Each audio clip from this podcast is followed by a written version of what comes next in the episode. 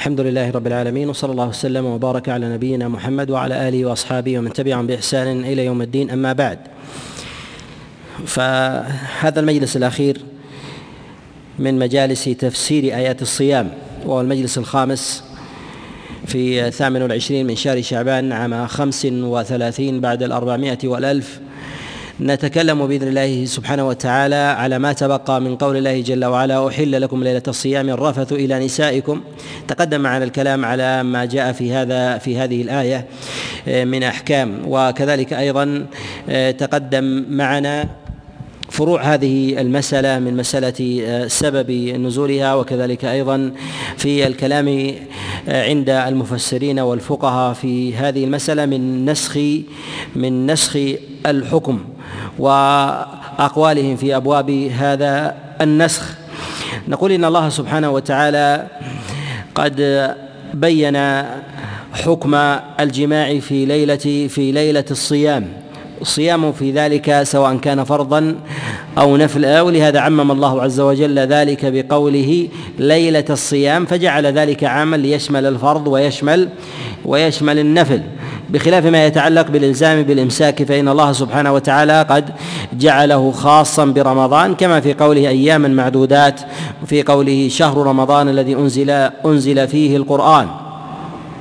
وكذلك أيضا في قول الله سبحانه وتعالى الرفث إلى نسائكم تقدم معنا أيضا الإشارة إلى معاني الجماع في القرآن وكذلك أيضا إلى حكم الجماع في رمضان.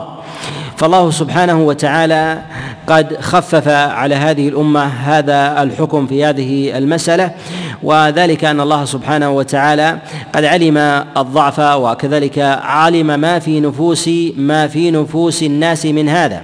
ولهذا عل الله جل وعلا ذلك بقوله علم الله أنكم كنتم تختانون أنفسكم فبين الله سبحانه وتعالى أن العلة من الحكم ما يجده الناس في نفوسهم ما يجده الناس في نفوسهم. فقيل إن المعنى في ذلك تخونون أنفسكم وقيل تتحرجون من من هذا الأمر أو هذا الحكم فيثقل على الناس التكليف فيثقل على الناس التكليف فنسخ الله سبحانه وتعالى ذلك الحكم وأذن الله عز وجل بالمباشرة في قوله جل وعلا فالآن باشروهن فالآن باشروهن وابتغوا ما كتب الله لكم. أذن الله سبحانه وتعالى بمباشرة الرجل لزوجه ليلة الصيام.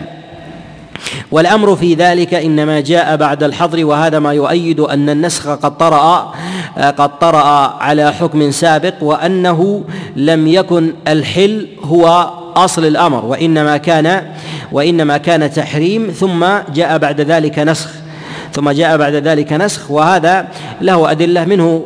قول الله عز وجل أحل لكم ليلة الصيام ومنه قول الله جل وعلا فالآن باشروهن يعني أذن الله سبحانه وتعالى بذلك. والأمر إذا جاء بعد الحظر يرجع فيه إلى إليه قبل قبل الحظر فإذا كان واجبا فيكون واجبا وإذا كان مستحبا فيكون مستحبا وإذا كان مباحا فإنه يكون يكون مباحا. وهنا في قوله سبحانه وتعالى فالآن باشروهن تنبيه لمقدار الإباحة. فالله حينما أمر بذلك أي حث وحض على هذا الفعل وليس المراد بذلك هو الإيجاب أو الاستحباب وإنما الترخيص وإنما الترخيص والنسخ إذا كان بعد النهي فإنه يأتي بالحل ويأتي بالإباحة ويأتي بالأمر.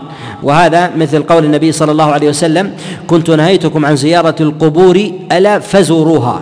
فلا نقول أن زيارة القبور واجبة وإنما الأمر بذلك لأنه جاء بعد حظر فجاء هذا بالأمر إشارة إلى تأكيد رفع الحكم وزواله تأكيد رفع الحكم وزواله. وقوله جل وعلا باشرهن وابتغوا ما كتب الله لكم. وابتغوا ما كتب الله لكم. المباشرة في ذلك هي على نوعين. مباشرة الجماع وهو مباشرة بالفرج ويسمى الجماع ويسمى اللمس ويسمى الرفث ويسمى الغشيان ويسمى كذلك أيضا الحرث كما في قول الله عز وجل فأتوا حرثكم أن شئتم غير ذلك من المعاني التي كني فيها في الشريعة ويسمى كذلك أيضا النكاح والوطأ وغير ذلك من من معانيه. والمباشرة فيما دون الفرج مباشرة فيما دون الفرج والمباشرة فيما دون الفرج على نوعين مباشرة بإنزال ومباشرة بغير إنزال. أما المباشرة بإنزال فهي محرمة بالاتفاق ولا خلاف عند السلف في ذلك. وإنما خلافهم في ذلك هل الإنزال يدخل في غير الإنزال من غير جماع؟ هل يدخل في حكم الجماع في كفارته؟ لا في أصل تحريمه لا في أصل تحريمه. وذلك أن الله سبحانه وتعالى حرمه حرمه بظاهر القرآن وكذلك في قوله سبحانه وتعالى في الحديث القدسي يدع طعامه وشرابه وشهوته من أجله وشهوة في ذلك عامة إلا ما استثناه الدليل إلا ما استثناه الدليل. واستثنى الدليل النوع الثاني من هذا النوع وهو المباشرة فيما دون الفرج من غير إنزال من غير إنزال. وذلك باللمس والتقبيل أو المباشرة بغير الفرج. ولهذا جاء في حديث عائشة عليه رضوان الله تعالى كما في الخبر الصحيح قالت كان رسول الله صلى الله عليه وسلم يأمرني فأتزر فيباشرني وأنا ويباشرني وهو وهو صائم. وفي هذا إشارة إلى جواز المباشرة فيما دون الفرج فيما دون فيما دون الفرج. كذلك آه، أيضا في قول عائشة عليه رضوان الله تعالى كان رسول الله صلى الله عليه وسلم يقبلني وهو صائم وكان أملاككم لإربه وهذا فيه إشارة إلى أن الحكم متعلق بالشهوة والشهوة متعلقة بالإنزال. والشهوة متعلقة بالإنزال سواء كان ذلك بجماع أو كان ذلك بما دون بما دون الفرج. ولهذا نقول إن السلف والخلف يتفقون على تحريم الإنزال بجماع أو بغير جماع غير بغير جماع. سواء كان ذلك بإنزال الرجل بامرأته أو إنزال الرجل بغير بغير المرأة. والخطاب كذلك يتوجه إلى يتوجه في ذلك إلى المرأة. وذلك بجماعها لزوجها أو كذلك أيضا إنزالها بغير زوجها. فالخطاب في ذلك فالخطاب في ذلك للرجال والنساء والنساء واحد ولا خلاف عند العلماء في ذلك. وإنما يختلف العلماء عليهم رحمة الله تعالى في بعض صور ولوازم هذه المسألة. ومن هذه المسائل التي تحتاج إلى بيان منها ما هو محل اتفاق ومنها ما هو محل محل خلاف. مما هو محل اتفاق أن العلماء عليهم رحمة الله تعالى يتفقون على حرمة المجامعة في نهار رمضان بالدليل المتواتر المستفيض في الكتاب كما في هذه الآية. وكذلك ما جاء في الصحيحين من حديث أبي هريرة أن رسول الله صلى الله عليه وسلم جاءه رجل فقال يا رسول الله هلكت قال وما أهلكك؟ قال وما أهلكك؟ قال وقعت على امرأتي في نهار رمضان. فقال النبي صلى الله عليه وسلم أتستطيع أن تعتق رقبة؟ قال لا. قال أتستطيع أن أن تصوم شهرين متتابعين؟ قال لا. قال أتستطيع أن تطعم ستين مسكينا؟ قال لا. الخبر. وهذا دليل على تغليظ المواقعة في نهار رمضان وذلك بجملة من الأدلة والقرائن. أولها أن أن الرجل جاء إلى رسول الله صلى الله عليه وسلم فقال هلكت. والهلاك لا يكون إلا بسبب مهلك وهو مخالفة أمر الله سبحانه وتعالى بالمواقعة. ومنها أن النبي صلى الله عليه وسلم جعل عليه الكفارة المغلظة. جعل عليه الكفارة المغلظة. وذلك بعتق رقبة فإن لم يجد فصيام شهرين متتابعين فإن لم يجد فإطعام ستين ستين مسكينا. وهذه كفارة وهذه كفارة مغلظة. وكذلك أيضا من القرائن أن هذه الكفارة كانت عليه لا على سبيل التخيير لا على سبيل التخيير وإنما على سبيل الترتيب. والكفارة إذا كانت على سبيل الترتيب تختلف عن سبيل التخيير فالترتيب أشد. لأن الاختيار ليس للإنسان الإنسان يختار من هذه الكفارات الثلاث إما عتق رقبة أو صيام شهرين متتابعين أو إطعام ستين ستين مسكينا. فالتخيير ضرب من أمور التيسير وأما الترتيب ففيه تكليف تكليف زائد عن عن ذلك وذلك أن الحق في ذلك لله عز وجل فلا ينزل من فلا ينزل من كفارة إلا إلى إلى أخرى إلا عند عدم الاستطاعه إلا عند عدم الاستطاعه ومن المسائل التي آه، ينبغي بيانها وتقريرها هنا أن الجماع في نهار رمضان مع تحريمه إلا أن غير واحد من العلماء حكى الاتفاق والإجماع على على تفطير تفطير المجامع وأن حكمه في ذلك يأخذ حكم حكم الأكل والشرب. وهذه المسألة من المسائل التي تحتاج إلى إلى بسط. ذهب الأئمة الأربعة وإلى هذا ذهب غير واحد من السلف وذلك وقول عطاء بن أبي رباح وكذلك عامر بن شراحيل الشعبي وغيرهم من السلف إلى أن المجامع في نهار رمضان يجب عليه يجب عليه القضاء وهو قال الأئمة الأربعة وحكي الإجماع والاتفاق في هذه في هذه المسألة. وكذلك فإنه بجماعه يفطر وكذلك بجماعه يفطر. وقالوا لأن الله سبحانه وتعالى قرن الجماع مع الأكل والشرب. قرن الله سبحانه وتعالى الجماع مع الأكل مع الأكل والشرب فيأخذ حكمه بدلالة الاقتران. ولكن نقول إن دلالة الاقتران ليست دليلا وإنما قرينة ليست دليلا وإنما وإنما قرينة. والعلماء عليهم رحمة الله تعالى اختلفوا في دلالة الاقتران. هل يحتج بها أو لا يحتج بها؟ اختلفوا في هذه المسألة على قولين. منهم من قال بالاحتجاج بالاحتجاج بها. ومنهم من قال بعدم الاحتجاج وصاب أنها لا لا حجة فيها بالمشابهة من كل وجه ولكن يحتج بها بالأصل يحتج بها بالأصل وهو أصل النهي والتحريم. وذلك كقول الله سبحانه وتعالى الحج أشهر معلومات فمن فرض فيهن الحج فلا رفث ولا فسوق ولا جدال في الحج. فالله عز وجل قد قرن هذه الثلاثة فلا رفث وهو الجماع وهو يفسد الحج ولا فسوق والفسوق في ذلك هي المعاصي التي تنقص الأجر ولكنها لا تؤثر في صحة الحج ولا جدال والجدال في ذلك هو المراء أصله مباح ثم ثم ما زاد عن ذلك فهو فهو منهي عنه. فهذا لا ينقص الأجر حتى يصل إلى الفسق حتى لا يصل حتى يصل إلى الفسق. فقرنه الله عز وجل فقرنه الله عز وجل مع الفسق وقرن الفسق مع الرفث والرفث يبطل ويفسد الحج. يفسد الحج. على خلاف في فروع في فروع هذه المسألة في الجماع إذا كان قبل التحلل الأول إذا كان قبل التحلل الأول وبعده. وإذا ومنهم من يقول كقول بعض أهل الرأي في وقوع الجماع قبل الوقوف بعرفة أو بعده هذه من المسائل التي هي محل خلاف. ولعله في بابه في مسائل الحج. نتكلم على هذه المسألة بإذن الله تعالى. وإذا تكلمنا على مسألة الفطر في بالجماع. وقول العلماء عليهم رحمة الله تعالى بالاقتران في ذلك نقول إن ثمة أدلة غير هذا هذا هذه الأدلة.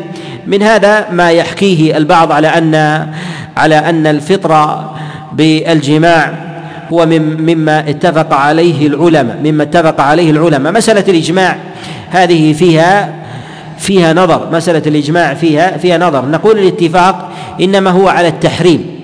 الاتفاق إنما هو على التحريم ولا خلاف في ذلك باعتبار أن الأدلة قد ظهرت وتضافرت من الكتاب وكذلك أيضا السنة. أما التف أما التفطير فهل الشريعة نهت عن الجماع في نهار رمضان لكونه مفطر كالأكل والشرب أو نهت عن الجماع في نهار رمضان تعظيما للشهر وشعيرة له لا لكونه مفطر لا لكونه مفطر. ومعلوم أن الإنسان ينهى عن بعض الأشياء في نهار رمضان منها ما لتعظيم الشهر وحرمته ومنها ما لكونه مفطر.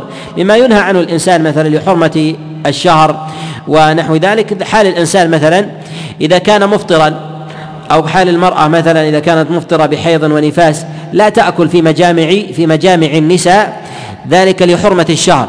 وكذلك أيضا المسافر إذا قدم إلى بلد إقامة لا يأكل في ميادين الناس ومجاميعهم لا يأكل في ميادين الناس حتى لا يخرم حرمة الشهر. وهذا وهذه مسألة زائدة عن أصل عن أصل الحكم في هذا. ونقول إن مسألة التفطير عامة العلماء وسوادهم إلى إلى التفطير إلى التفطير. وذهب بعضهم إلى عدم إلى عدم التفطير ولهذا قد سئل جابر بن زيد كما عند ابن أبي شيبة في المصنف من حديث عمرو بن هرم عن جابر بن زيد أنه سئل في الرجل يمني يمني بشهوة من امرأته يعني من غير جماع فقال لا لا يفطر. هذا قال لا يفطر. وهذا يخالف ما جاء عن عطاء بن أبي رباح وكذلك عامر بن شراحيل الشعبي في هذه في هذه المسألة في هذه المسألة.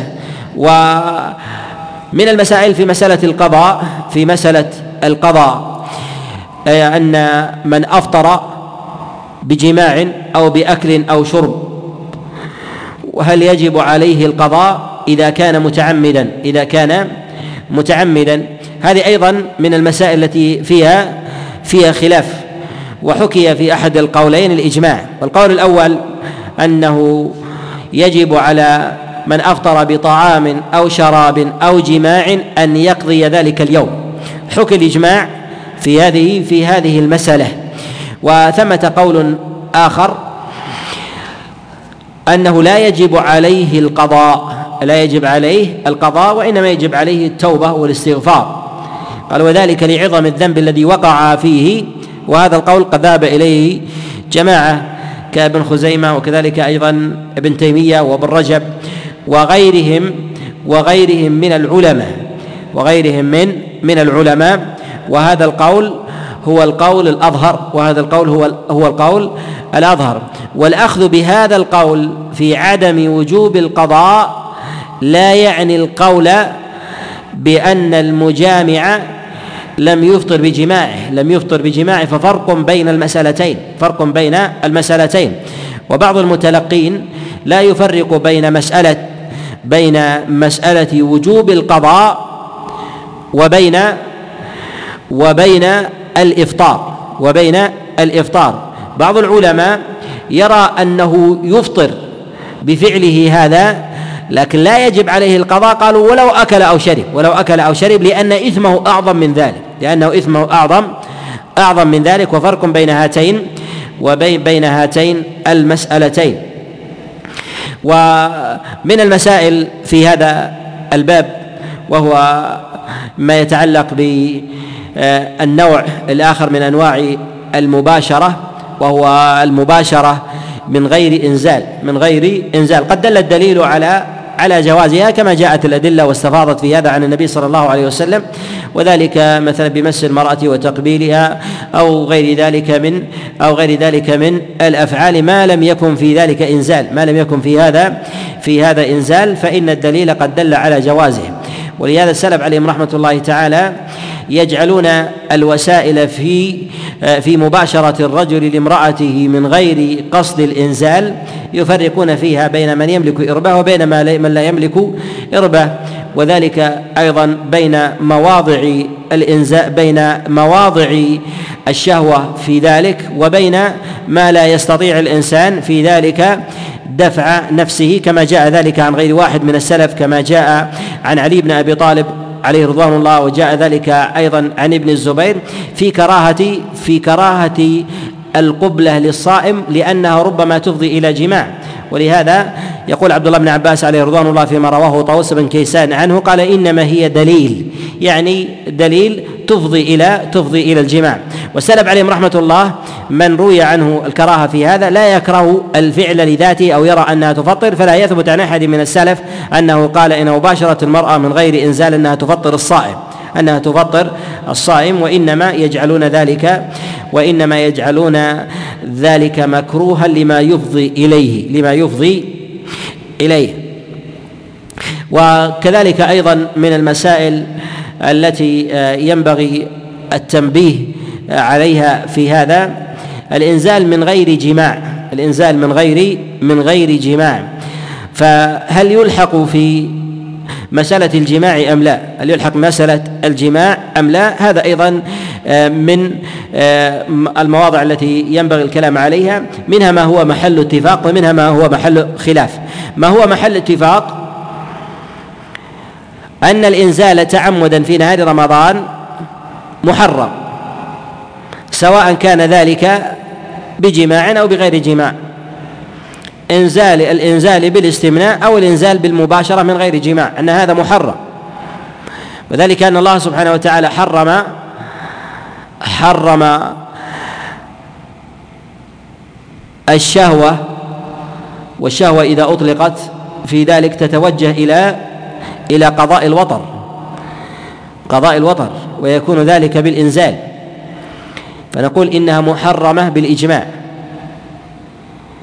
المسألة الثانية منها وهي مسألة الفطر والكفارة. فهل من استمنى يكون كحكم المجامع في كفارته؟ هذا من مواضع الخلاف. والأظهر أن المستمني آثم بفعله لكن لا تجب عليه الكفارة. وأن ما جاء عن جابر بن زيد في هذا هو الأرجح. وأن ما جاء عن جابر بن زيد في هذا هو هو الأرجح. كذلك أيضا إذا قلنا بعدم وجوب الكفارة فإننا نقول أيضا بعدم وجوب القضاء على الأرجح بعدم وجوب القضاء على الأرجح لعدم المشابهة. والعلماء الذين يقولون ب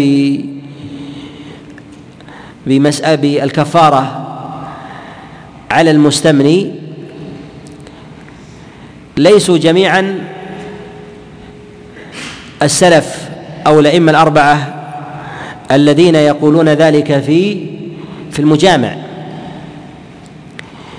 وأما من يحكي القياس في هذا فقياسهم في ذلك ضعيف ووجه الضعف في هذا أنهم حينما يقيسون المستمني على المجامع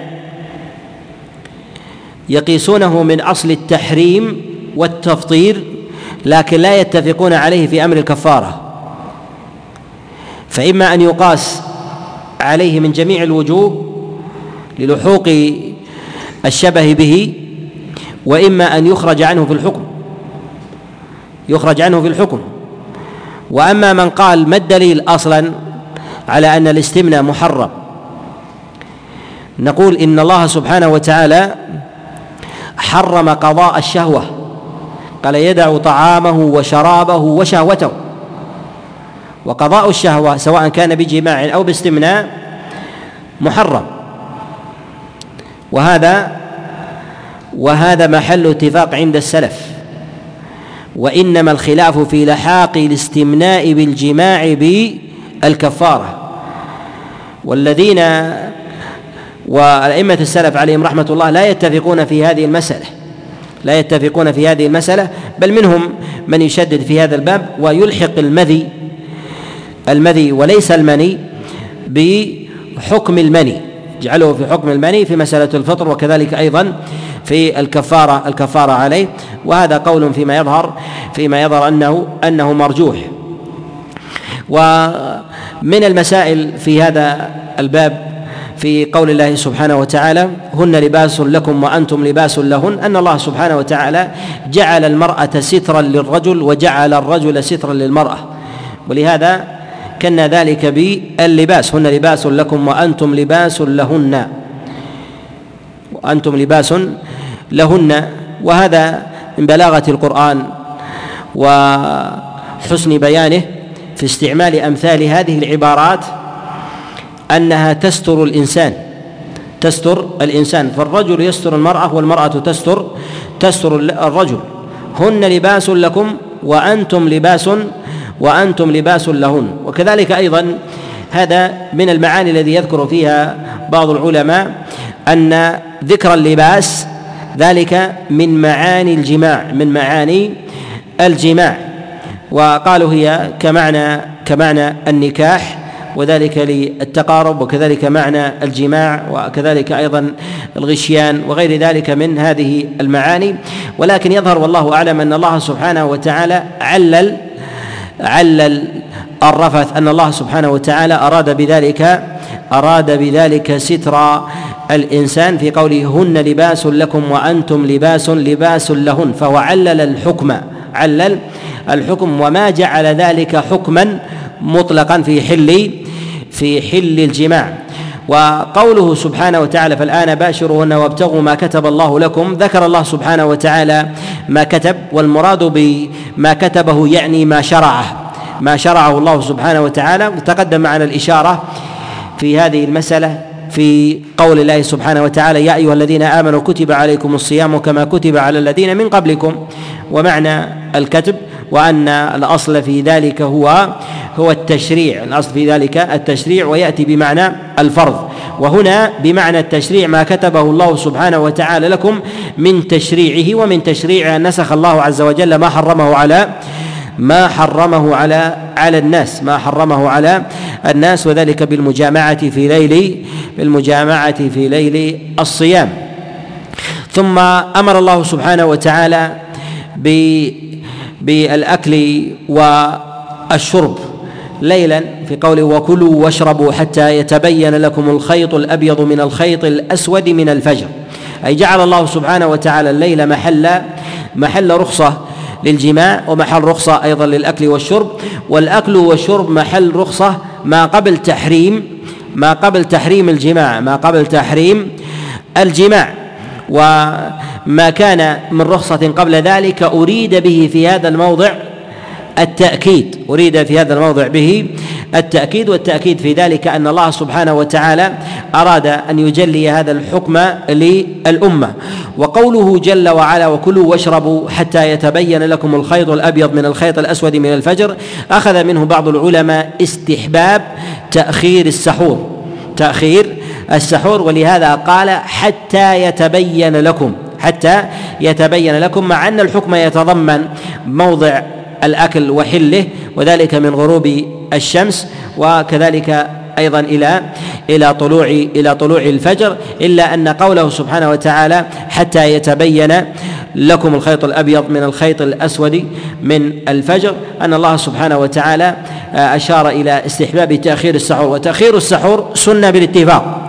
سنة بالاتفاق. وقد ثبت عن رسول الله صلى الله عليه وسلم عملا وقد جاء في ذلك بعض الأحاديث من الحث والحظ عليها لبعض الأحاديث عن رسول الله صلى الله عليه وسلم وفيها وفيها ضعف وفيها ضعف. ومن ذلك ما جاء ما جاء في حديث أم حفص حفصة عن صفية بنت جرير عن أم حكيم بنت دراع عن رسول الله صلى الله عليه وسلم أن النبي صلى الله عليه وسلم قال عجلوا الفطر وأخروا السحور. وهذا الإسناد إسناد مسلسل بالمجاهيل وذلك أن بنت عجلان وأمها حفصة أم حفص مجهولة وكذلك أيضا في صفية بنت جرير مجهولة ويكون هذا الحديث حديث ضعيف ولكن نقول هذا ثبت عملا عن رسول الله صلى الله عليه وسلم. ثبت هذا عملا وقد جاء في ذلك جملة من الأحاديث جاء في ذلك ذلك في حديث أنس بن مالك وعبد الله بن عباس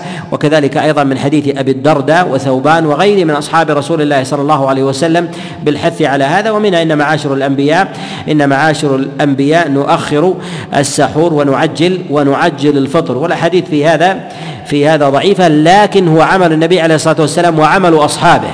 وذلك هو مقتضى الدليل.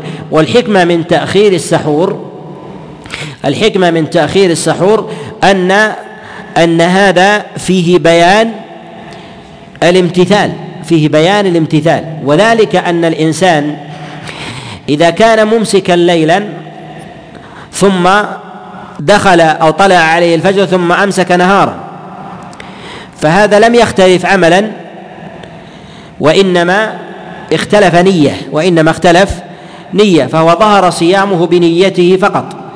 بخلاف الذي يظهر امتثاله بنيته وكذلك بعمله فكأنه يأكل وسمع النداء ثم أمسك فهذا يظهر في الامتثال.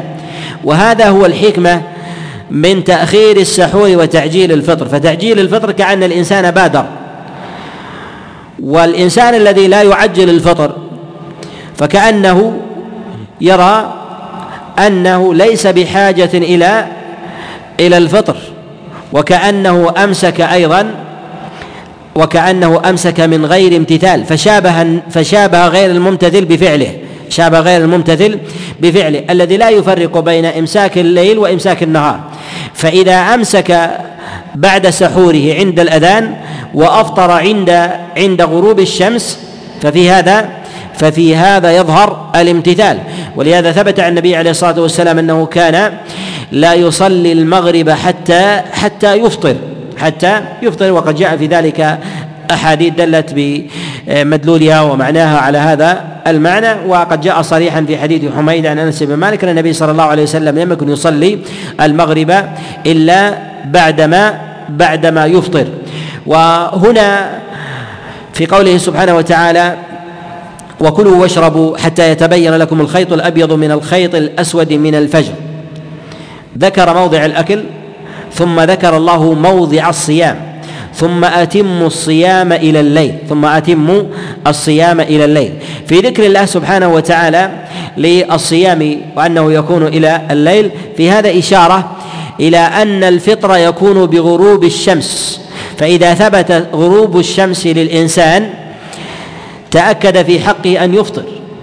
وأما من ينتظر الفطر حتى يسمع الأذان ولو ثبت غروب الشمس عنده فهذا مخالف للسنة فهذا مخالف للسنة. ووجه المخالفة في هذا أن الله سبحانه وتعالى علق الأمر بغروب الشمس بغروب الشمس. فالأذان مرتبط بغروبها كتعلق الفطر بغروبها فلم يتعلق الفطر بالأذان ثم الأذان يتعلق الفطر وإنما تعلق بغروب الشمس وإنما تعلق الأذان والفطر بغروب الشمس جميعا. بغروب الشمس جميعا. فمن ثبت عنده غروب الشمس كره له أن ينتظر الأذان أن ينتظر الأذان. ويستثنى من ذلك إذا كان الإنسان في موضع تهمة إذا كان الإنسان في موضع تهمة أن يظن أنه أفطر أو أكل والنهار باقي والنهار باقي. وذلك في حال الإنسان في الأسواق.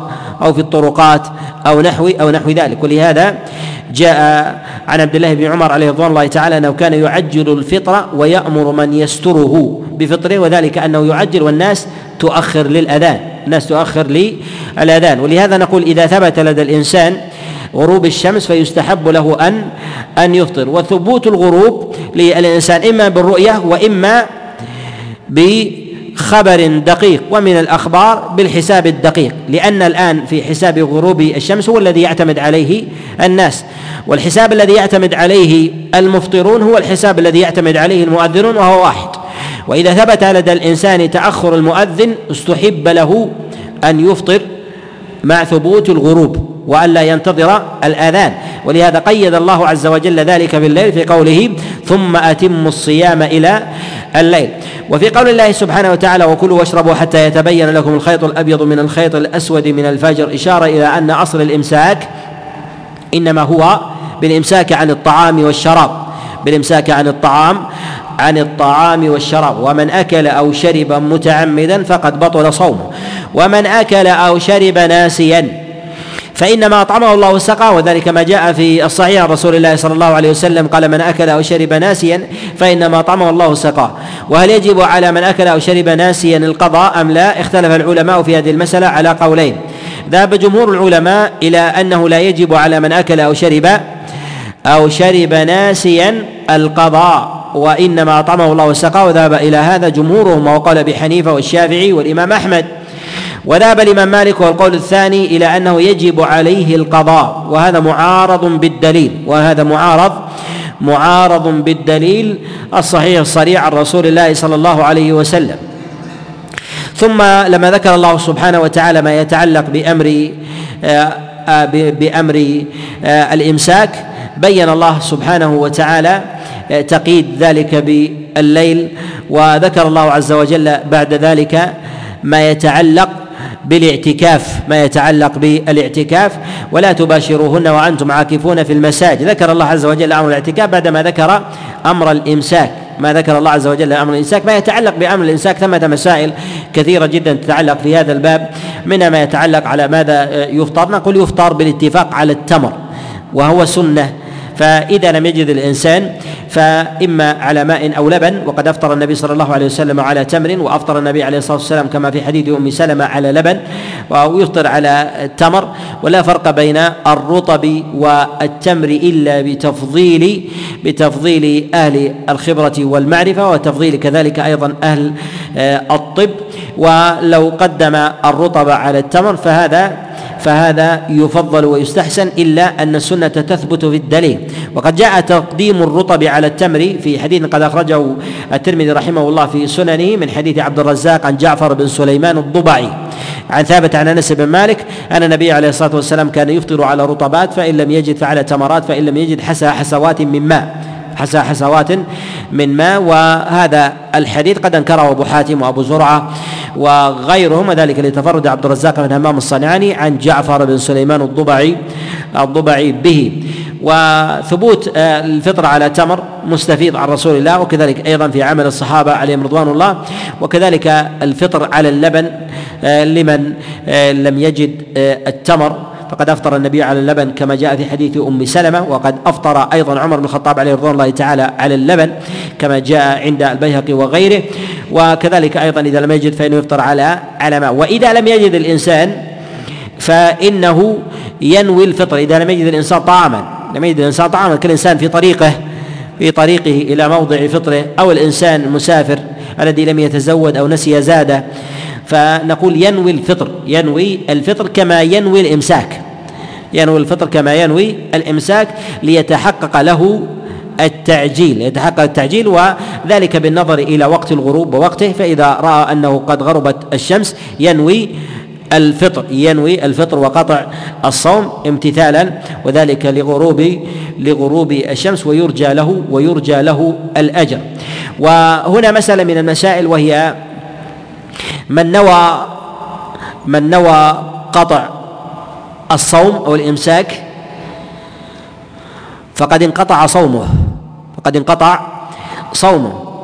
ومن نوى فعل المفطر من نوى فعل المفطر فهذا لم ينقطع صيامه ولا ينقطع إلا بفعل المفطر إلا بفعل المفطر. الصورة الأولى أن ينوي الإنسان قطع الصيام. بنيته ولا يعلقه بمفطر فهذا انقطع بمجرد النية. والصورة الثانية أن ينوي الإنسان فعل المفطر. مثل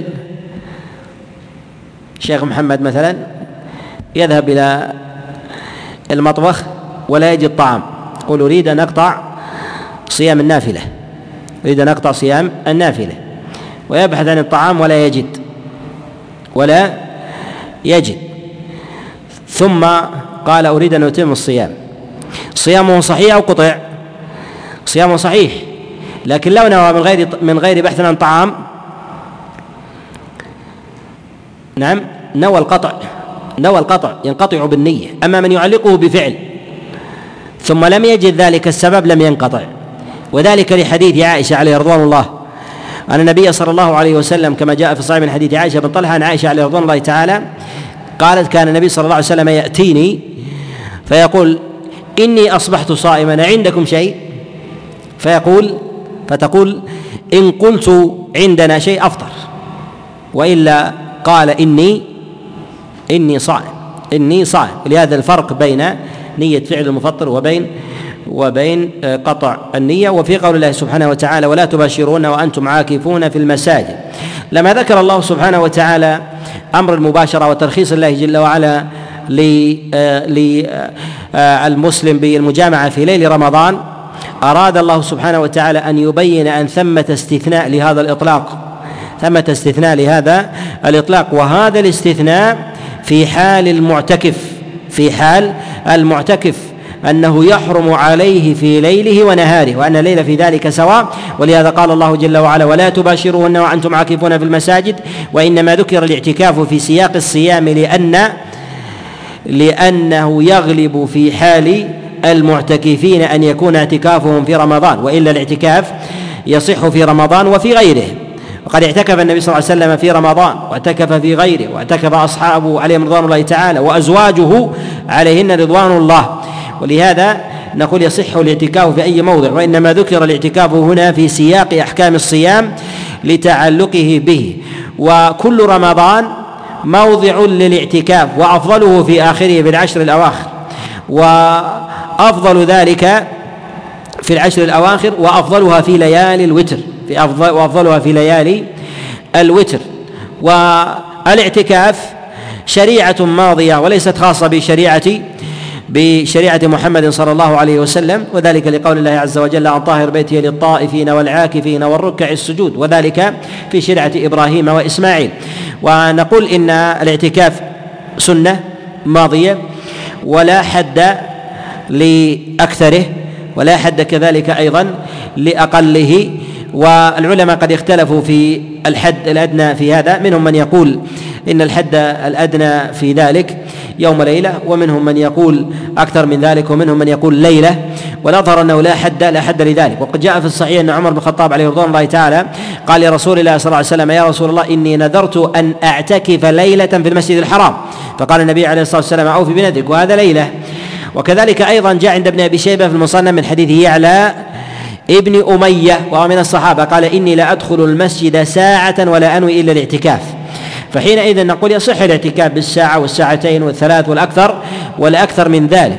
فيستحب لمن آه، عهد المسجد أو تعاهد بالجلوس فيه في رمضان أن ينوي جلوسه اعتكافا أن ينوي جلوسه اعتكافا وهذا في رمضان أيضا وفي غير رمضان وفي غير رمضان ليجمع له يجمع له بين الحسنيين بل أيضا أن الإنسان إذا كان في المسجد محتسبا بدخوله إياه فكان يشمل في جلوسه للمسجد بقراءة وذكر بل حتى نوم فهو داخل في هذا الأجر.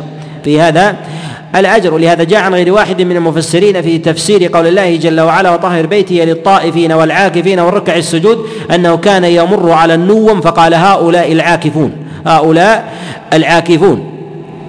ولهذا نقول إن الاعتكاف هو طول المكث هو طول المكث. ولهذا نقول إن شامل لهذه المعاني أن طهر بيتي للطائفين والعاكفين والركع السجود كل عاكف سواء كان مستيقظا قائما يصلي جالسا ما دام محتسبا في مكثه للمسجد فهو فهو على أجر الاعتكاف بإذن الله على أجر الاعتكاف بإذن الله إلا أن الأصل في الاعتكاف أن يعتكف الإنسان للتعبد وتلمس مواضع العبادة وذلك بالإكثار من الصلاة وقراءة القرآن والذكر ونحو ذلك فيأتي هذا تبع يأتي النوم والطعام وغير ذلك والحديث يأتي يأتي تبعا لا لا أصل يأتي تبعا لا أصل. والاعتكاف لا يكون لا يكون إلا في المساجد ولهذا قال ولا تباشرون وأنتم عاكفون في المساجد فإذا كان اعتكاف في غير مسجد فليس باعتكاف شرعي لعدم ورود النهي فيه لعدم ورود النهي فيه. وهذا بإجماع العلماء ولم يقل بأن الاعتكاف يصح في غير المساجد إلا بعض المتأخرين. وقول شاذ قال به ابن لبابة من المالكية قال به ابن لبابة من المالكية. فنقول إن الاعتكاف له أحكام وشرائع وعلى ما تقدم في في مسألة الجماع. وله أحكام أيضا تتعلق في مسألة آه، الخروج خروج المعتكف وقضاء حاجته وكذلك أيضا فيما يتعلق بما يجوز له من حديث ونحو ذلك. نقول الاعتكاف موضع العبادة يقضي الإنسان فيه حاجته وما وما ورد مما يلتزم الإنسان بالبيع والشراء. يلتزم الإنسان بالبيع و آه، مما يحتاجه الإنسان من طعام وشراب. أحسنت. مما يحتاج الإنسان بيع من بيع وشراء لطعامه وشرابه. إذا كان لا يكون هناك من يزوده فيجوز تبع ما لا يجوز استقلالا يجوز تبع ما لا يجوز استقلالا أما البيع والشراء قصدا لذاته فلا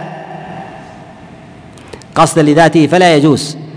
أما إذا كان الإنسان لا يجد من يزوده بالطعام أو الشراب أو نحو ذلك يجوز. لماذا؟ لأنه معتكف لله في هذا الموضع. وخروجه في ذلك وخروجه في ذلك شاق. خروجه في ذلك في ذلك شاق. كذلك أيضا لا يجوز للمعتكف الخروج لأنه يخالف حقيقة فالاعتكاف هو طول المكث والبقاء.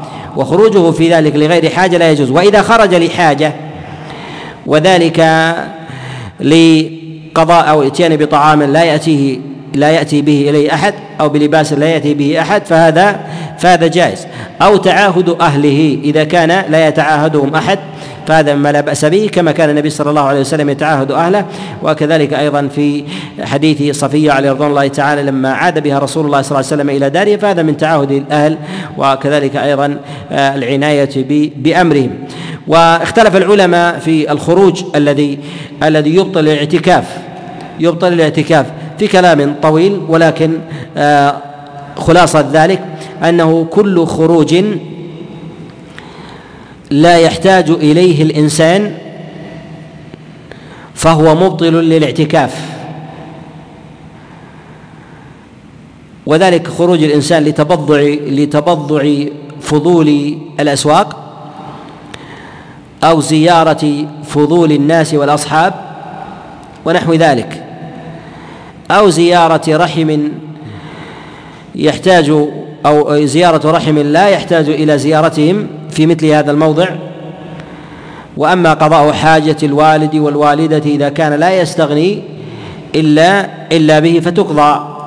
واتباع جنازة الوالد والوالدة والرحم الواجب فهذا أيضا مما مما يجوز مما يجوز.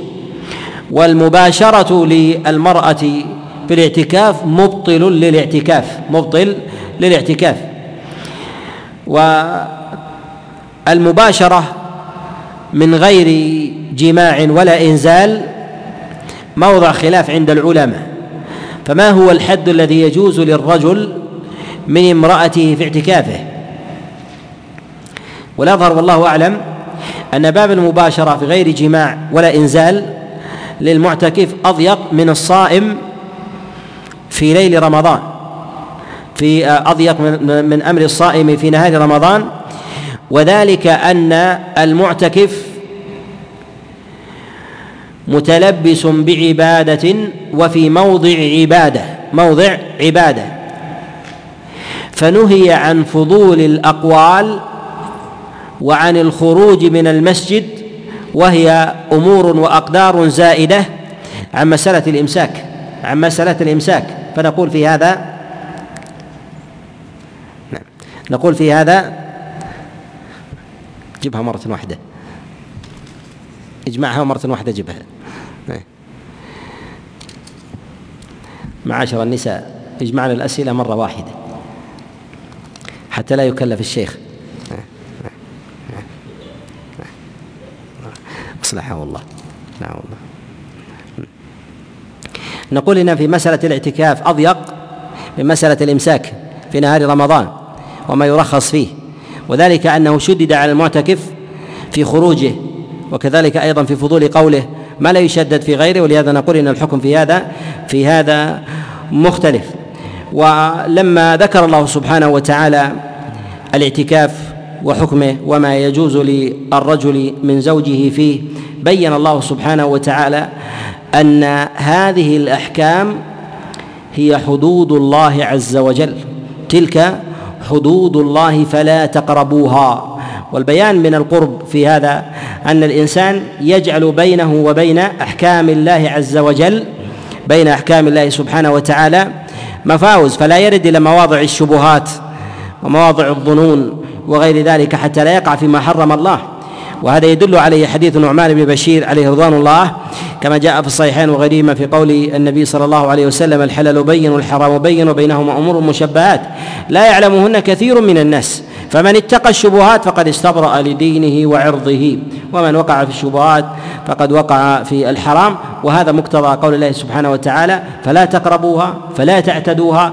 وأعظم في قوله فلا تقربوها يعني ليس النهي في ذلك هي المماسة بل النهي في هذا بالقرب لأن الإنسان إذا تجرأ على الدنو من الحدود خطوة فإنه يتجرأ على التي تليها ومن وقع في الشبهات فإنه يقع في الحرام لا محالة. ثم بين الله سبحانه وتعالى تبيانه وإيضاحه لهذه الآيات المحكمات وأن الله سبحانه وتعالى جعل ذلك جعل ذلك لأجل التقوى لأجل التقوى. وتقوى الله سبحانه وتعالى بملازمة امره لعلهم يتقون.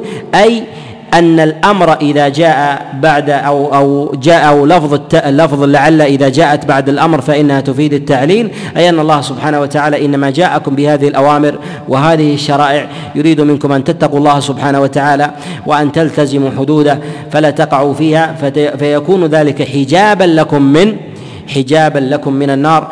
أسأل الله سبحانه وتعالى أن يجعلني وإياكم من أهل من أهل التقوى ومن أهل الرشاد ومن أهل الهداية والكفاية والوقاية وأن يأخذ بي وبكم إلى المنهج القويم والصراط المستقيم. إنه لذلك والقادر عليه. صلى الله وسلم وبارك على نبينا محمد.